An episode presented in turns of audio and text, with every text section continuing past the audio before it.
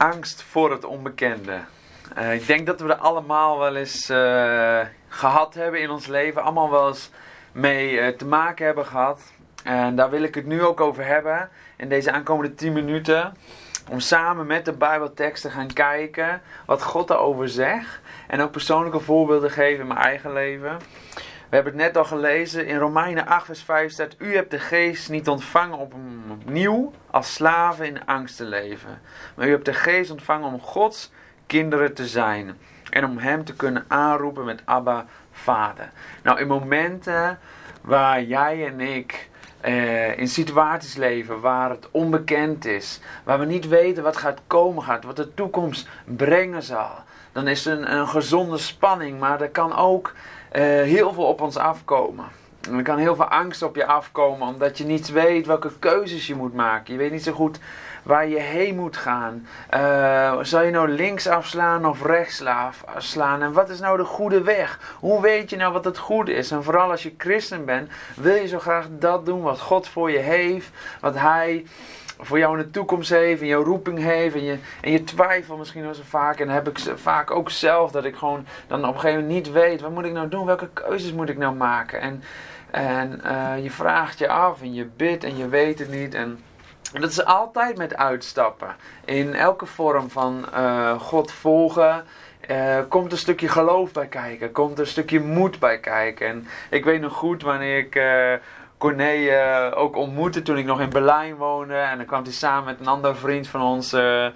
René naar Berlijn toen. En we hadden eigenlijk het, de passie om met elkaar de straat op te gaan om uh, samen nog meer van God uh, mee te maken en naar mensen uit te reiken, voor mensen te gaan bidden op de straat. En uh, nou, daar waren we heel enthousiast en er was een gezonde spanning ook toen we dat, dat gingen doen.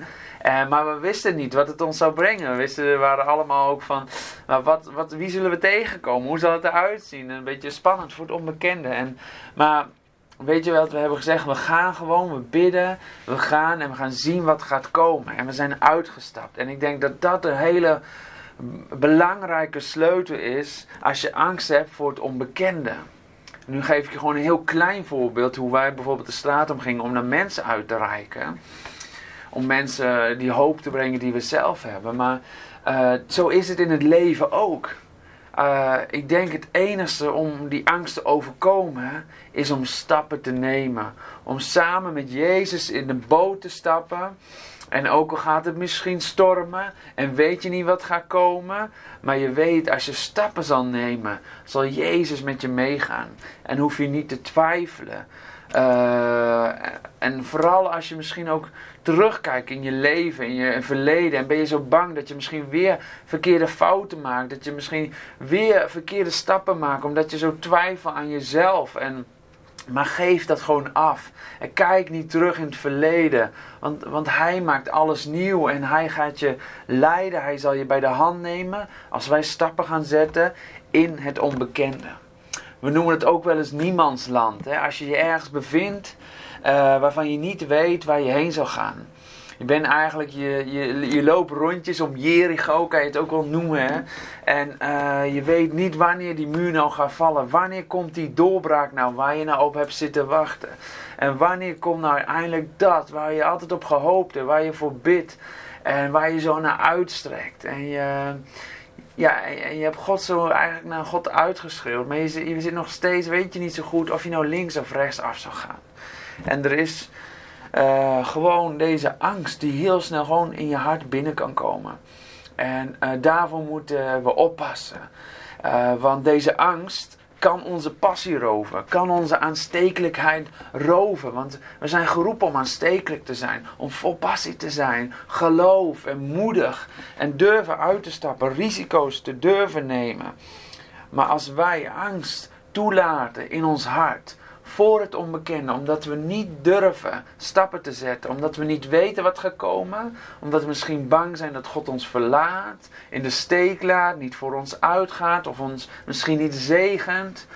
Als dat ons terughoudt, dan hebben we angst toegelaten in ons hart. En daar moeten we dan mee afrekenen. Dan moeten we terug naar God gaan en Hem die angst geven, want Hij heeft alle angst overwonnen.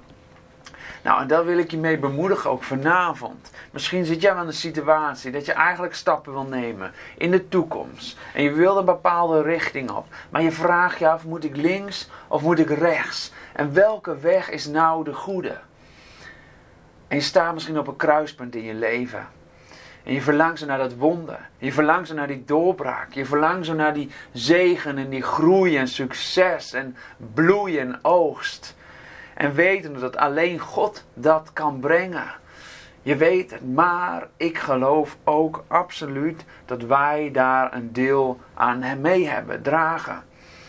En weet je waarom? Omdat als ik kijk naar de gelijkenis van de zaaien. Je kent het misschien wel, je hebt het wel eens gelezen, waar de boer uitgaat om te zaaien. En wat zaad komt op de rotsachtige grond, op, op het pad. Het komt tussen de distels, maar het komt ook op de vruchtbare grond. En daar zegt het in Marcus 4, vers 20, ik noem het ook nog maar vanavond. Er zijn mensen die zijn als het zaad dat op het goede grond is gezaad. Zij horen het woord, aanvaarden het, ze dragen vrucht, sommige 30, sommige 60 en anderen weer honderdvoudig. Nou, en deze tekst wil ik voor jou ook meegeven dan. Uh, vanavond, als jij twijfelt en je weet niet zo goed, is dit een praktische tip voor jou om te doen? Als je zegt, ik wil stappen nemen, ik wil iets doen, maar ik weet niet wat. En dan moet je afvragen in je leven, uh, zet alles op een rij in je leven.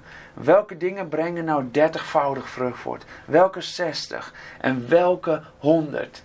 Ik geloof echt dat jij en ik daar een deel aan hebben. Dat wij kunnen zien in ons leven, wat brengt nou werkelijk vrucht in de dingen die wij doen. Want wij als christen zijn zo goed om zoveel dingen te doen, om de Heer te dienen en vol passie. Maar uiteindelijk zijn we toch niet aanstekelijk, omdat we gewoon te veel doen. En te veel dingen ook niet op de juiste timing, niet met de juiste focus. Dat we dingen te vroeg of te snel doen of te veel. Dan helpt deze, deze tekst zo gaaf. Uh, om te, gewoon terug te kijken. Nou, wat brengt nou werkelijk zegen in mijn leven? Wat heeft nou werkelijk God ook succes gegeven? Een bloei en oogst. Ga terug. Kijk in die rode draad in je leven. En zie waarvoor je bent geroepen. Ontdek het. Wat geeft jou energie? En wat kost energie van jou? En zo mag je ontdekken. En daarom mag je keuzes maken. Daarom mag je uitstappen. Op het water. Met Jezus mag je stappen gaan nemen om dat te gaan doen waarvoor je geroepen bent. En dan hoef je niet bang te zijn dat God je in de steek gaat laten, of dat je gaat falen, of dat je verkeerde keuzes maakt. Ik geloof dat God jouw keuzes gaat zegenen als je dat gaat doen waarvoor je geroepen bent. En in het diepst van je hart weet jij 100% eigenlijk waarvoor je geroepen bent. Eigenlijk wat je zo graag doet. Maar er zijn nog zoveel dingen die je misschien tegenhouden. Nou, neem dit vers ook. En dan wil ik als laatste ook daar ook mee afsluiten. Want daar wil ik eigenlijk vanavond ook over hebben. Wat helpt is om het kaf van het koren te scheiden in zo'n moment. Om de oogst, de zaadjes aan God te geven. Alles wat je gedaan hebt, wat ik ook net zei, de 30, de 60, de 100voudige vrucht die jij hebt gedragen, alle activiteiten, al jouw bezigheden, al je initiatief aan God te geven en het kaf van het koren te scheiden.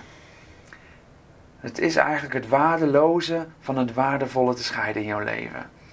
En daarmee uh, mag jij stappen gaan nemen in het onbekende. Je zal jij herkennen wat werkelijk waardevol is in jouw leven. En weet je hoe ze dat deden vroeger? De boeren, zo met de hooivork, gooiden ze de koren op in de lucht en de wind blaaste het kaf van het koren. En wind, als we een Bijbels perspectief kijken, staat ook voor Ruach, Heilige Geest. Zo, breng al jouw bezigheden, al jouw koren, brengen naar God en laat de Heilige Geest er overheen blazen. Het scheiden, het kaf van het koren scheiden. En laat en pik de honderdvoudige vrucht daaruit. En het enige wat jij moet weten, wat we hebben ook waar we mee zijn begonnen in Romeinen 8, vers 15, dat je weet dat je Gods kind bent. En dat je geen slaaf van angst meer bent. En dat wat voor keuze jij ook zal maken, God is met jou. Als jij werkelijk in jouw diepste van je hart een oprechte keuze maakt om dat te gaan doen, deze baan te gaan nemen, of dit stop te zetten, of hiermee te starten, dat God dat zal gaan zegenen. Wees niet bang, jij bent zijn kind en niets kan eraan doen dat zijn liefde voor jou weg zal nemen. Hij is jouw vader, hij is Abba. En ik geloof dat dit heel veel druk weg zal nemen op jouw leven. In dit moment waar jij me misschien bevindt. En waar je angst hebt voor het onbekende. Dat je mag weten, je bent zijn kind. Je mag terugkijken en je mag uitzoeken wat honderdvoudig vrucht brengt. En dat je dat gaat doen waarvoor je geroepen bent. En daaruit mag je een keuze maken. En zal God met je gaan.